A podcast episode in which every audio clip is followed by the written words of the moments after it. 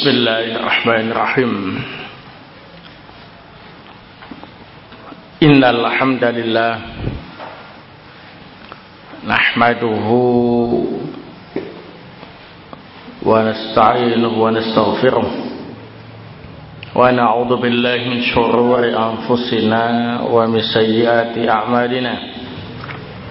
من يهده الله فلا مضل له ومن يضلل فلا هادي له.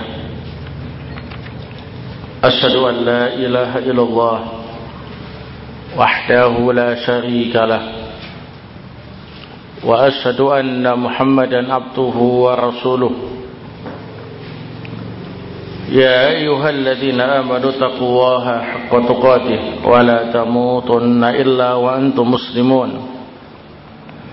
يا أيها الناس اتقوا ربكم الذي خلقكم من نفس واحدة وخلق منها زوجها وبث منهما رجالا كثيرا ونساء واتقوا الله الذي تساءلون به والأرحم إن الله كان عليكم رقيبا يا أيها الذين آمنوا اتقوا الله وقولوا قولا سديدا يصلح لكم أعمالكم ويغفر لكم ذنوبكم.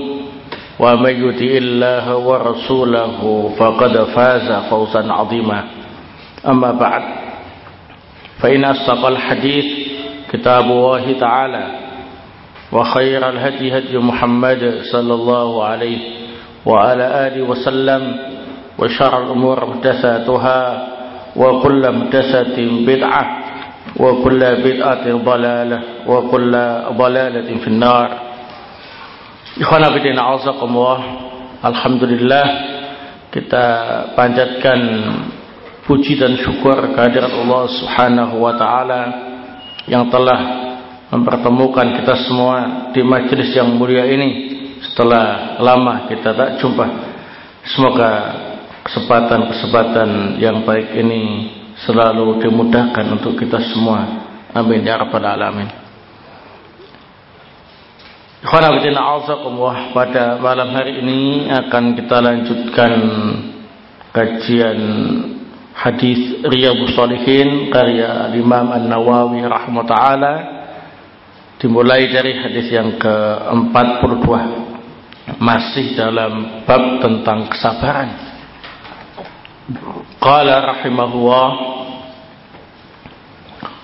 wa 'an ibni Mas'ud radhiyallahu ta'ala anhu qala. Dari sahabat Ibnu Mas'ud semoga Allah Subhanahu wa taala meridai beliau. Qala beliau bercerita lamma kana yaum Hunain ketika peristiwa Hunain terjadi yakni perang Hunain juga disebut dengan Ghazwatul Taif. Ini terjadi setelah Fathu Makkah nah saat itu kaum muslimin mendapatkan banyak ghanimah.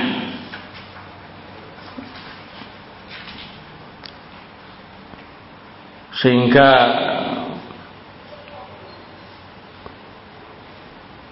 kaum muslimin mendapatkan harta yang sangat luar biasa. Maka terjadi peristiwa pembagian ghanimah. Athara Rasulullah sallallahu alaihi wasallam nasan fil qismah. Rasulullah sallallahu alaihi wasallam ternyata memperhatikan sebagian orang dalam masalah pembagian. Jadi athara itu adalah memberi perhatian khusus dengan pemberian yang khusus ya kepada sebagian orang fil qismah ini pembagian ghanimah Fa'ta al-Aqra ibn Habis mi'ata minal ibil. Saat itu beliau memberi Al-Aqra ibn Habis 100 ekor unta. Insyaallah ya. 100 ekor unta. Satu ekor unta saja berapa harganya ya? Kasih 100 untuk satu orang. Wa'ata Uyainah ibn Husnin misla dalik. Beliau juga memberi Uyainah ibnu Husnin seperti itu. Ini sama, dikasih 100 ekor unta. Wa'ata nasan min asrafil Arab. Beliau juga memberi beberapa orang dari pemuka-pemuka bangsa Arab. Wa atharahum yauma idin fil qismah. Pada saat peristiwa Hunain itu beliau betul-betul memperhatikan mereka dalam masalah pembagian. Faqala rajul maka ada seorang laki-laki yang protes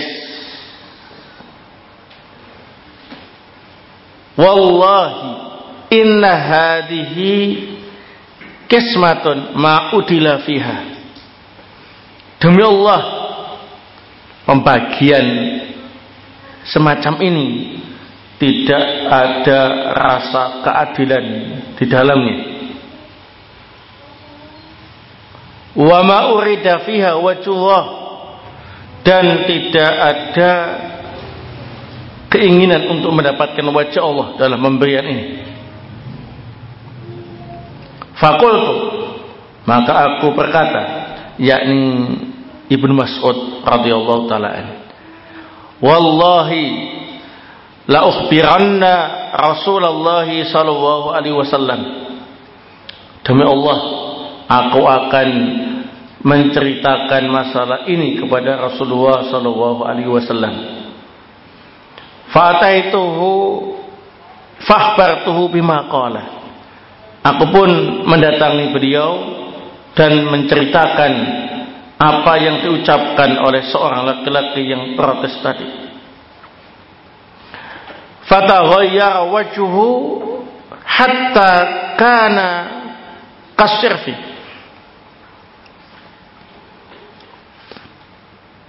Maka berubahlah wajah Rasulullah wasallam sampai-sampai seperti sesuatu yang dicelup dengan warna merah. Jadi beliau memerah wajah beliau. Marah. Ya. Asyirfi bikasr sod sodnya dikasrah ya bahwa sibru ahmar ini seperti celupan yang berwarna merah. Tumma qala kemudian beliau bersabda famay ya'dilu idza lam ya'dilillahu wa rasuluh Siapa yang bisa adil jika Allah Ta'ala dan Rasulnya dianggap tidak adil? Qala. Kemudian beliau bersabda, Ya hamullahu Musa. Semoga Allah memberi rahmat kepada Nabi Musa. Qad udhiya bi min hadha fasabara. Nabi Musa disakiti lebih daripada ini. Tapi beliau tetap apa ini? Sabar. Fakultu. Maka aku pun berkata, yaitu Ibnu Mas'ud, La jarama, la arfa'u ilahi ba'da haditha. Sungguh, aku tidak akan menceritakan apa-apa lagi kepada beliau setelah ini, ya, karena Takut beliau marah ya. Mutafaqun alaih. Hadis ini sepakati oleh Imam Al-Bukhari wa Muslim. Dalam hadis yang mulia ini ikhwan fillah azakumullah kita bisa mengambil banyak faidah. Di antaranya yang pertama ialah kita harus tahu tentang Hunain Ya, Hunain ini adalah sebuah lembah yang terletak antara Makkah dan Taif. Nah, saat itu pasukan kaum muslimin sangat banyak dan kuat ya. sehingga pasukan musuh sudah kalah sebelum perang. Mereka lari terberit-berit nah, ini, ini peristiwanya terjadi setelah Fathu Makkah. Nah karena kalah sebelum perang sehingga meninggalkan semua barang-barang mewah dan berharga maka mulailah kaum muslimin mengambil ya rampasan-rampasan perang itu dalam jumlah yang sangat banyak dan sangat besar tanpa susah payah. Barakofikum. Nah saat itu Rasulullah SAW memiliki rencana dan strategi dakwah yakni ta'liful qulub melunakkan hati sebagian kaum muslimin yang masih baru masuk Islam. Yang ternyata mereka ini adalah pembesar-pembesar Arab. Yang memang namanya pembesar sudah biasa berkelimbang dengan uang ya dengan harta ya. Untuk melunakkan hati mereka itu memang pakai apa ya? Pakai uang ya. nah. Sehingga saat itu betul-betul Rasulullah SAW menerapkan strateginya ini. Pembesar-pembesar Arab diberi pemberian yang lebih banyak daripada para sahabat yang lain radhiyallahu taala majma'in. Satu orang dapat seratus ekor unta. Satu ekor unta saja sudah apa ini? Masya Allah. Ya, nah, cukup. Nih, seratus ekor unta. Satu ekor unta harganya 30 juta. Unta yang besar ya, 30 juta standar itu. Kali 100 Bapak eh 3 M satu orang dikasih hmm. Hmm. Nah. Masya Allah ini peristiwa yang dialami oleh kaum muslimin itu ya melihat banyaknya harta dan mendapatkannya tanpa susah payah itu pada saat perang Hunain itu. Nah, Kemudian faedah berikutnya yang bisa kita ambil dari hadis ini. Dibolehkan bagi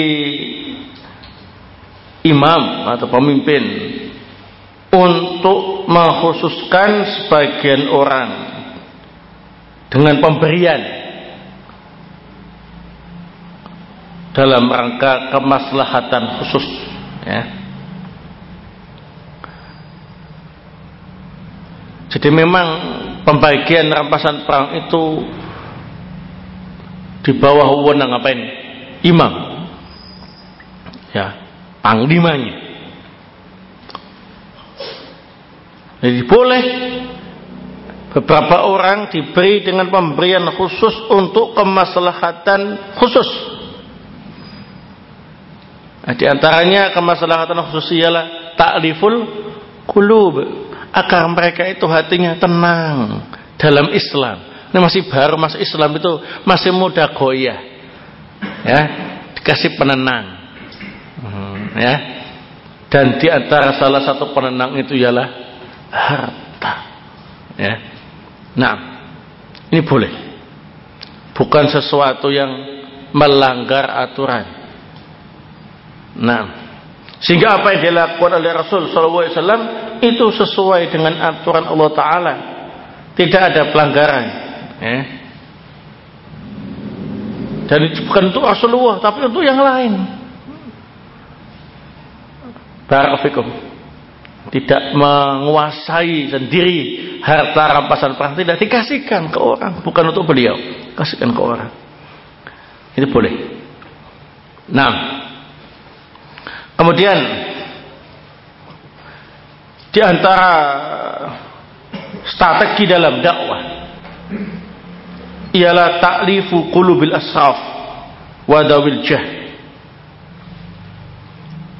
Nah, di antara strategi dakwah yang diterapkan oleh Rasul SAW itu ialah melunakkan hati para pembesar atau orang yang memiliki kedudukan terpandang. Nah, di antaranya dengan apa ini? Suntikan harta. Nah, ini perlu dicontoh. Nah, sebagian di antara kita malas baliknya ya. Ada orang kaya-kaya itu pepet terus biar mencair dananya dia. Nah, untuk bangun ini bangun itu ya pepet terus nah, ya tapi ternyata Rasulullah tidak begitu justru orang-orang kaya orang-orang yang terpandang itu mudah berubah. Ya untuk menjaga hati mereka. Nah kita jangan sampai mengesankan memeras uang mereka. Tapi hendaknya mereka menganggap kita itu menjaga harta mereka. Bahkan mengapain melestarikan kasih hmm. kita kesankan kita itu nggak butuh dengan harta mereka ya nah karena kita masih punya Allah subhanahu wa ta'ala yang maha kaya Justru mereka ini harus kita pegang biar tetap istiqomah di atas al-haq. Apalagi kalau usahanya ada yang apa ini? Menurun pemasukannya ya. Orang-orang kaya, orang yang berkedudukan begitu. Tenang dan rasanya hati itu terkait dengan pemasukan. Kalau pemasukannya turun, itu hatinya resah gelisah. Itu lain. Kalau yang sudah biasa miskin, sudah biasa nggak punya uang kayak kita kita ini, nah, nah, sudah biasa resah ya kan. Nah, kalau orang kaya tenang dan rasanya hati itu ialah dengan uang dan kedudukan. Nah, sehingga kita lunakkan hati mereka, kita bantu, ya. Jangan sampai kita justru mendekati orang-orang kaya itu ya untuk menggantungkan diri kepada mereka jangan strategi dakwah ya nah biar mereka mau tetap taklim sama kita ya. Nah. Ya, kalau tiap kali taklim senggol. Hmm, kamu. Nyumbang gini. Nah, ini kan seolah-olah apa ini? Benar-benar diperas dia Taklim sudah harus siap. Satu koper uang. Kalau enggak, enggak bisa taklim. Nah, strategi dakwah termasuk as-siyasah. As-syar'iyyah fi da'wah ila Allah ta'lifu qulubi al-asraf wadil wadil jah ya. Ya ini termasuk strategi dalam dakwah ialah melunakkan hati orang-orang yang terpandang dan berkedudukan. Nah. Kemudian dalam hadis ini juga terdapat faedah bahwa setiap nabi dan rasul pasti ada orang-orang yang menentang dakwah atau membuat keraguan-keraguan. Nah, di saat Rasulullah Wasallam membagi harta ghanimah pada saat perang Hunain beliau juga tidak melanggar aturan Allah beliau juga punya wewenang tapi ternyata ada saja yang protes. Beliau dituduh tidak adil dalam pembagian. Beliau dituduh tidak ikhlas lillahi ta'ala. Nah menuduh Rasulullah tidak adil termasuk tindakan yang sangat besar dosanya. Sehingga beliau hanya menjawab, Siapa yang bisa adil? Kalau Allah Ta'ala dan Rasulnya dianggap tidak bisa adil. Ya, kalau Allah Ta'ala dan Rasulnya dianggap tidak adil, terus siapa lagi yang bisa adil? Gak ada. Itu ungkapan kekesalan beliau terhadap tuduhan semacam itu. Barakallahu Ternyata Nabi Musa itu sering disakiti oleh kaumnya dengan tindakan-tindakan yang lebih daripada itu. Tapi sabar. Ini menunjukkan bahwasanya para nabi dan rasul dan juga penerus dakwah mereka sampai hari kiamat nanti pasti dan pasti ada musuh-musuh dakwah yang menghalanginya atau membuat keraguan-keraguan baik dengan ucapan atau tindakan itu biasa ya nah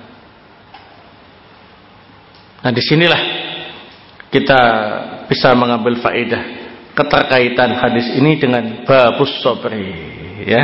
Disyariatkan bagi para dai ilallah untuk sabar dalam menghadapi umat ya. Jangan mudah putung jangan mudah emosi ya sabar. Dari dalam dakwah mesti ada apa ini? rintangan, mesti ada penentangan, mesti ada orang yang gak suka, mesti ada ucapan-ucapan yang menyakitkan, menyudutkan dan yang lain sebagainya.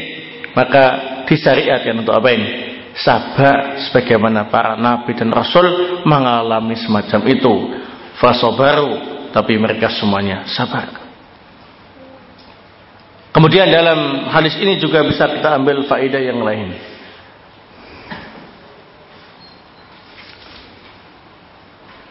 Wajib untuk memberi nasihat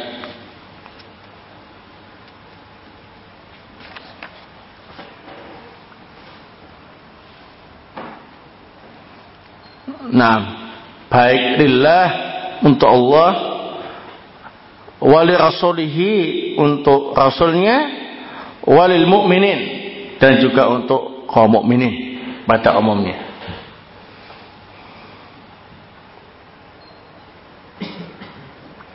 Nah di sini Ibnu Mas'ud radhiyallahu taala menyampaikan ucapan laki-laki yang menuduh beliau tidak adil ya kepada Rasul sallallahu alaihi wasallam ini dalam rangka an-nasihah di Rasulih. Nah, kalau memang ternyata hal itu ternyata salah, ya gimana? Ya. Jadi Ibnu Mas'ud mendengar ada seorang laki-laki yang mengatakan bahwasanya Rasulullah telah melakukan pembagian yang tidak adil. Maka Ibnu Mas'ud memberanikan diri menyampaikan itu kepada beliau. SAW dalam rangka apa ini? Nasihat untuk Rasulnya SAW. Barangkali memang benar ucapan orang itu. Ternyata Rasulullah menyangkal ya bahwa apa yang beliau lakukan itu sudah sesuai dengan aturan dan tidak menyimpang dari keadilan. Nah, kemudian dalam hadis ini juga bisa kita ambil faidah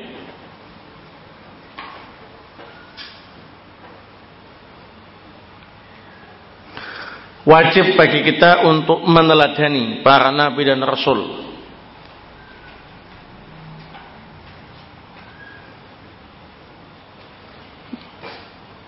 Dalam menghadapi gangguan-gangguan dalam dakwah, ya. Jadi termasuk sunnah qadimah ya sesuatu yang sudah biasa terjadi. Pada generasi-generasi sebelum kita. Gangguan-gangguan dalam dakwah. Ya rintangan-rintangan dalam dakwah. Kita harus tetap meneladani bagaimana sikap para nabi dan rasul. Tidak boleh menggunakan perasaan. Kita tetap menggunakan apa ini? Sesuatu yang ilmiah Ya, tak boleh tindakan kebodohan kemudian dilawan dengan kebodohan juga. Nah, ini kadang-kadang kalau sudah terjadi itu lupa dengan prinsip semacam ini ya. Merasa namanya sudah di atas angin, banyak pengikut dan mat'unya ya. Ketika ada seorang yang ya dari sisi keilmuan ya meragukan ya.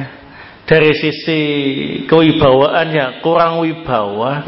Ini kemudian mengucapkan pernyataan-pernyataan yang menyakitkan sang dai. Kadang-kadang lupa itu marah emosi diladeni. Yang orang kayak gitu kok diladeni nah ini tidak mencontoh sikap para nabi dan rasul ya. Yang benar ialah melihat siapa orang? Oh orang ini jahil. Orang ini nggak berilmu. Orang ini nggak berwibawa. Ya sudah nggak usah dia tanggapi ucapannya. Pantas dia bijak. Ya mengucapkan kata-kata semacam itu. Nah kemudian dalam hadis ini juga terdapat faidah bahwasanya Rasulullah SAW itu ialah manusia biasa. Ya sehingga marah ya tersinggung ya. Ya mengalami perubahan muka perubahan wajah ya. Kalau senang ya wajahnya berseri-seri. Kalau marah ya merona merah ya. Nah. Bedanya beliau mendapatkan wahyu dari Allah Subhanahu wa taala. Sehingga beliau wajib kita taati. Tapi tidak boleh kita sembah selain Allah Subhanahu wa taala ya. Karena beliau adalah manusia biasa. Kemudian dalam hadis ini terdapat faedah bahwa manusia yang paling adil paling takut kepada Allah dan paling mengetahui tentang Allah ialah para nabi dan rasul. Salawatullah wassalamu alaihi beliau menyatakan fama ya'til idza lam ya'tilillah wa rasuluh siapa yang bisa adil jika Allah taala dan rasulnya tidak bisa adil ini menunjukkan bahwasanya manusia yang paling adil, yang paling takut kepada Allah, yang paling tahu tentang Allah ialah para nabi dan Rasul. Barakofikum. Nah, di sini juga terdapat faedah bahwasannya yang namanya adil itu tidak harus sama rata. Tapi adil itu ialah meletakkan sesuatu pada tempatnya, memberikan sesuatu kepada orang yang berhak menerimanya. Ini kan tidak semua dapat satu ekor unta. Apakah kemudian dikatakan tidak adil karena enggak sama rata? Al jawab keadilan tidak selalu sama rata. Tapi memberikan sesuatu tepat pada sasarannya atau sesuai dengan haknya. Ini beliau memberikan satu ekor unta kepada orang-orang tertentu yang beliau anggap harus ditaklif, dilunakkan hatinya agar tetap di atas Islam. Dan itu merupakan hak dan wewenang beliau sebagai seorang pemimpin dan panglima perang. Lain kalau beliau tidak punya kedudukan itu, yang nggak punya hak untuk mengatur apa ini, panglima. Ini yang biasa disalahpahami oleh kebanyakan masyarakat ya.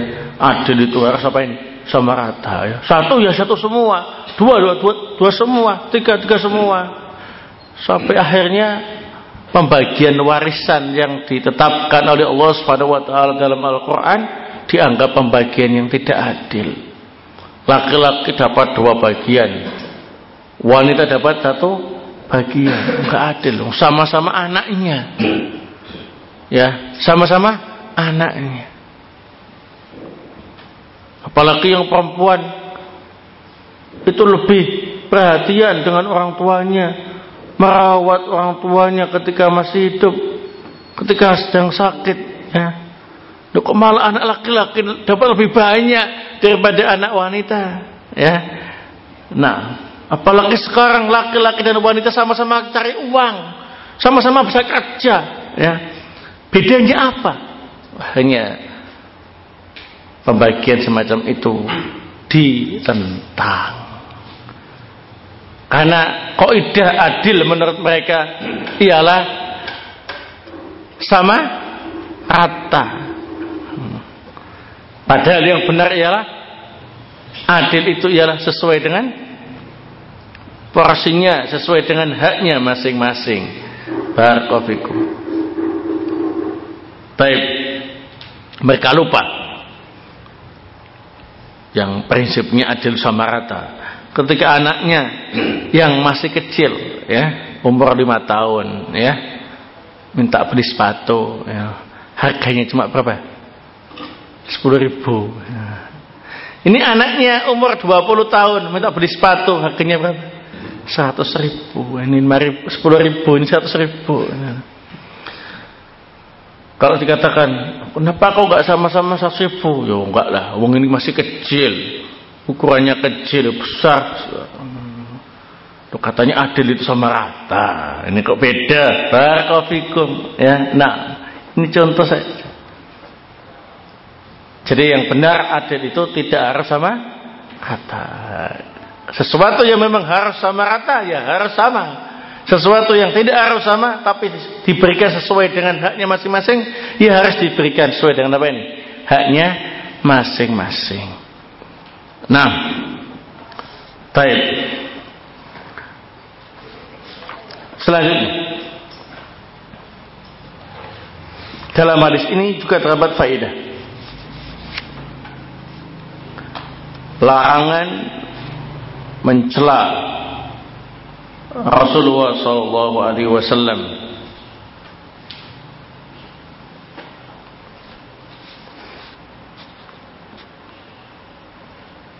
dan tindakan semacam itu termasuk tindakan kekufuran.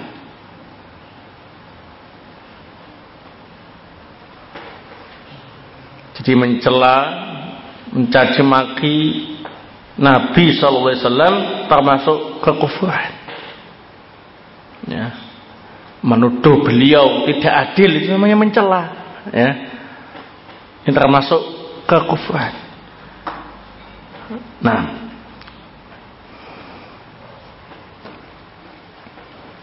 Kemudian hadis berikutnya. Yang ke-43. Wa an Anas radhiyallahu taala anhu qala dari sahabat Anas semoga Allah taala meridhoinya ia berkata qala Rasulullah sallallahu alaihi wasallam Rasulullah sallallahu alaihi wasallam bersabda idza aradallahu bi abdi khaira jika Allah menghendaki kebaikan untuk hambanya ajjalalahul uqubah fid dunya. Maka Allah Subhanahu wa taala akan menyegakkan hukuman dunia untuknya. Wa idza aradallahu bi abdi syar namun jika Allah mengendaki kejelekan terhadap hambanya amsaka anhu bidambihi hatta yuwafiya bihi yaumal qiyamah. Maka Allah tahan dosa orang itu sampai Allah penuhi hukumannya untuk orang itu pada hari kiamat nanti. Wa qala Nabi sallallahu alaihi wasallam dan Nabi sallallahu alaihi wasallam bersabda inna idhamal jazai ma'a idhamil bala' Sesungguhnya besarnya balasan sesuai dengan besarnya cobaan. Wa inna Allah Ta'ala idha ahabba qawma ibtalahum. Sungguh Allah Subhanahu wa taala jika mencintai suatu kaum, Allah uji mereka. Faman radiya falahu ridha. Barang siapa yang ridha dengan ujian Allah, maka dia akan mendapatkan ridho dari Allah. Wa man sakhita falahu sukhtu. Barang siapa yang murka dengan ujian dari Allah, maka dia juga berhak mendapatkan kemurkaan. Rawahu Tirmidzi wa qala hadisun hasan. Hadis ini diriwayatkan oleh At-Tirmidzi dan dia mengatakan hadis ini hasan. Taib. Hadis yang pertama sampai hatta yuwafiya bihi yaumal qiyamah ini Hasan di ghairi nah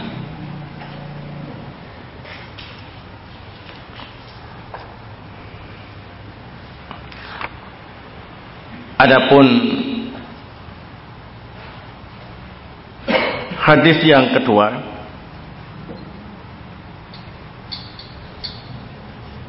daif.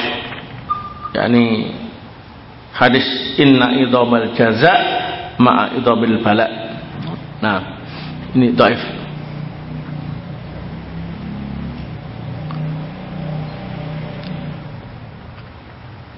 Namun maknanya sahih bahwa besarnya balasan dari Allah itu disertai dengan besarnya ujian ya. Ini maknanya sahih. Kalau Allah mencintai suatu kaum, Allah uji mereka. Nah ini maknanya sahih sebagaimana yang dalam hadis pertama tadi. Orang yang ridho ketika mendapat ujian dari Allah, maka dapat ridho dari Allah. Orang yang murka ketika mendapat ujian dari Allah, maka dia berhak mendapat kemurkaan Allah. Nah, ini maknanya sahih. Namun hadisnya dhaif. Barakallahu Baik, dalam hadis yang pertama terdapat beberapa faedah. Yang pertama, disegerakan hukuman di dunia. Ini termasuk tanda-tanda kebaikan bagi hamba. Karena hukuman dunia itu bisa menghapus dosa dan menghilangkan dosa. Nah, hukuman dunia itu adalah sesuatu yang menyakitkan atau yang tidak menyenangkan. Nah, misalkan kita punya dosa ya. Katakan banyak dosanya ya. Sadar atau tidak. Tapi kemudian Allah timpakan kepada kita suatu penyakit yang menyebabkan kita menderita. Itu namanya takjilul uqubah di dunia hukumannya diserahkan apa ini? Dunia. Kita tadi itu mendapatkan penyakit yang menyakitkan ini termasuk hukuman dunia. Sehingga dosa-dosa kita bisa apa ini? Diampuni dan hilang. Ini tanda-tanda kebaikan. Ya. Nah, Kayak kalau ada orang yang sehat terus nggak pernah sakit dia. Nah, wah ini nggak tahu tanda-tanda kebaikan atau tanda-tanda kejelekan. Nah, kalau menurut hadis ini ya, nah, barafikum ya hati-hati dengan nikmat sehat itu ya. Atau bisa saja hukuman dunia itu nggak harus sehat. Orangnya sehat terus, tapi bangkrut usahanya. Hmm seger tapi uangnya habis. Nah, itu suka ujian. Tak jeruk lukuba. Jadi kita nggak usah pakai mereka-reka. Yang jelas apa pun yang menyakitkan kita, apa pun yang menyusahkan kita sewaktu, sewaktu di dunia, kalau kita ikhlas menghadapinya karena Allah, maka itu adalah al-uqubah di dunia. Termasuk tanda-tanda kebaikan. Bisa menghilangkan dosa, bisa menghapus apa ini? Dosa. Ya. Nah, jadi kita nikmati saja. Jangan berkeluh kesah ya. Dapat penyakit yang lama sembuhnya alhamdulillah ya, dinikmati saja ya. Semoga menghapus dosa ya. Usahanya bangkrut, ya sudah nggak usah kecil hati, nggak usah gelisah ya. Alhamdulillah masih bisa makan, dinikmati saja. Semoga bisa menghapus dosa. Ya. Nah. Kemudian dalam hadis ini menunjukkan bahwa adab akhirat itu lebih keras. Ya.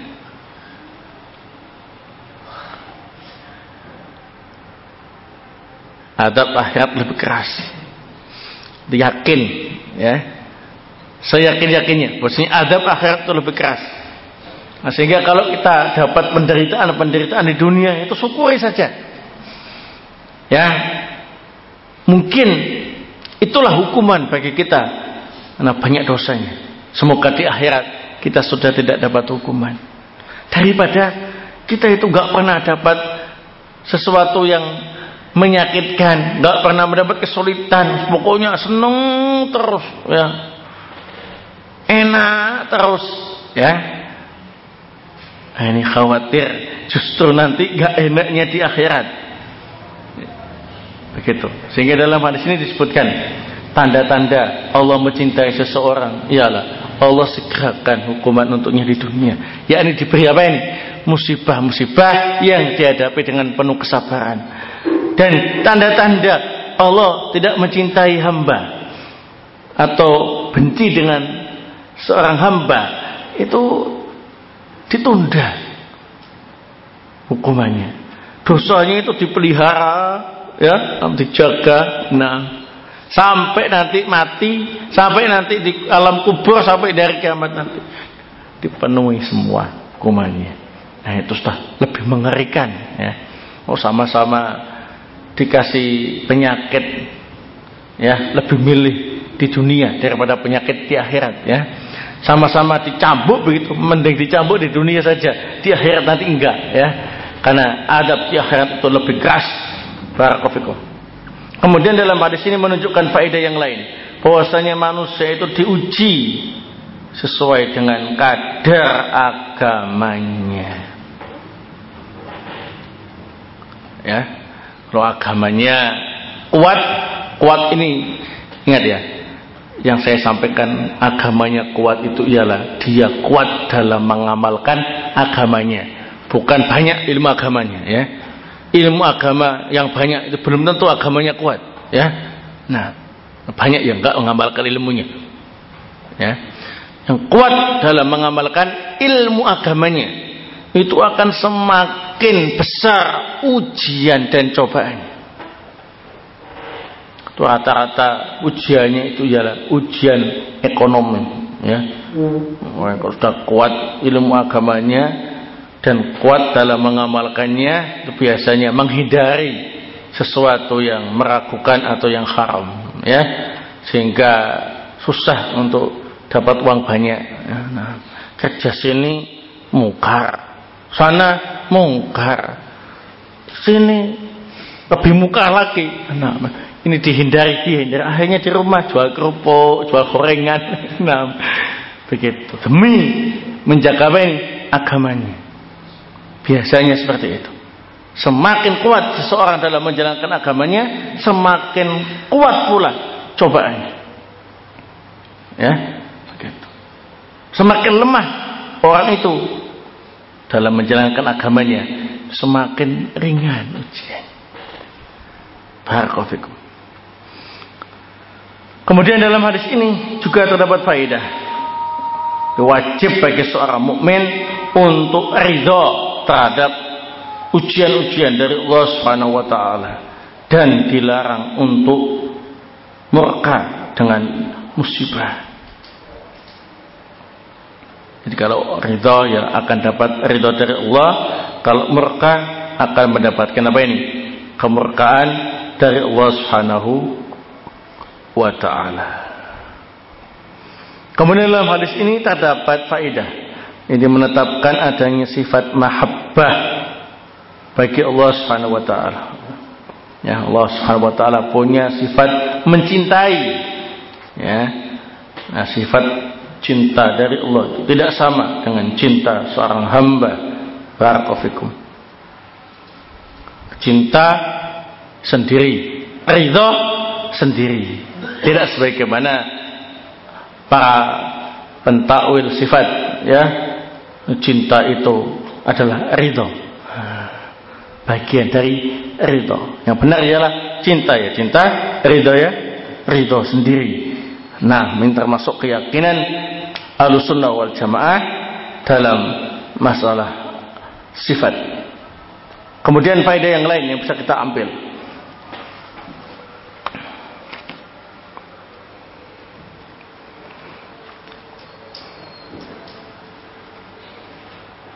di antara tanda dosa seseorang itu diampuni ialah dia sabar dalam menghadapi musibah. Jadi gak semua orang yang dapat musibah itu dosanya diampuni. Hanya orang-orang yang sabar dalam menghadapinya saja yang diampuni dosanya. Makanya tanda-tanda dosa itu diampuni ialah orangnya sabar dalam menghadapi ujian ya. sabar tidak berkeluh kesah ya. nah barakofikum Taib nah ini yang terkait dengan babus sabar Adapun hadis berikutnya insyaallah akan saya sampaikan pada pertemuan yang akan datang ya. Mudah-mudahan pertemuan kita yang singkat ini bisa kita ambil faidahnya dan bisa meningkatkan kualitas iman dan takwa kita kepada Allah Subhanahu wa taala. Amin ya rabbal alamin.